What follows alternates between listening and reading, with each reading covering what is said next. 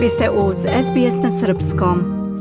15 časova 42 i po minuta je, slušate SBS na Srpskom. Prelazimo na teme iz oblasti zdravstva. Novi lek nudi nadu milionima ljudi širom sveta koji pate od Alzheimerove bolesti. Klinička ispitivanja su pokazala da tretman dramatično usporava napredovanje ovog stanja, otvarajući vrata efikasnijoj prevenciji u budućnosti, piše Kat Landers za SBS News. Taj prilog pripremio je Zoran Subić. Da čujemo. Za one koji boluju od Alzheimerove bolesti, svakodnevni život postaje sve teži za življenje. Bolest mozga utiče na kognitivne funkcije sa simptomima koji uključuju gubljenje pamćenja, teškoće pri razuđivanju, kao i zbunjenost. Nell Howe je port parol za bolest Alzheimera. Ona je jedna od pola miliona osoba u Australiji koja živi sa demencijom, a koja uključuje i Alzheimerovu bolest. Ono što je tužno za te Australijance je da postojeći lekovi samo tretiraju simptome bolesti, a ne usporavaju njen razvoj.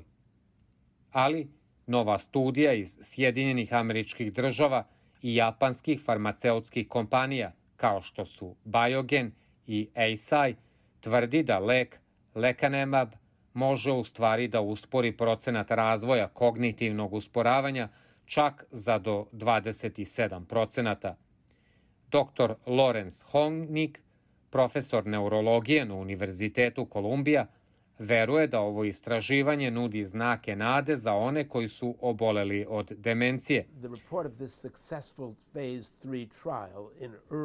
Izveštaj ove uspešne treće faze u ranom obolevanju od Alzheimera menja pejzaž tretmana za bolest Alzheimera kako u ovoj zemlji, tako i širom sveta.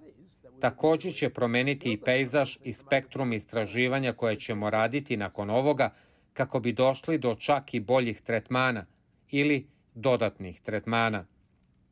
Ovaj lek se ubrizgava kroz vene dva puta mesečno i funkcioniše tako što uklanja na gradnju proteina, za koje se veruje da utiču na ovu bolest, a koji se zovu naslage amaloida.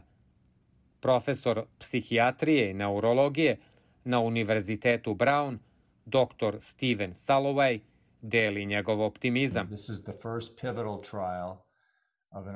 Ovo je prvo pivotalno testiranje za Alzheimerov lek, koje je došlo do kraja i pokazalo specifično umanjenje amaloida, a to je i cilj i demonstrira jasne kliničke beneficije i to je zrak nade za ljude koji se suočavaju sa ranim simptomima Alzheimerove bolesti.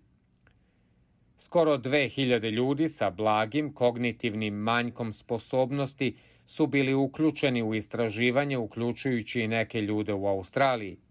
Asistent profesora, dr. Michael Woodward, je pomogao pri regrutovanju učesnika u Austin bolnici u Melbourneu.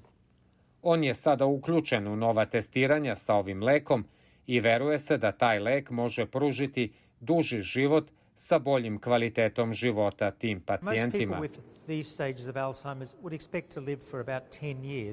Većina ljudi sa tim stadijumima Alzheimerove bolesti bi očekivali da žive oko 10 godina.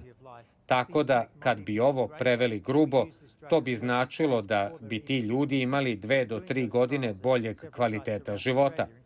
Uticaj bi mogao biti čak i veći ako bismo ovaj lek koristili u ranim stadijumima pre nego što i dođe do kliničkih simptoma. Mi ova testiranja obavljamo na nekoliko lokacija u Australiji, uključujući i gde ja radim u Ostinu.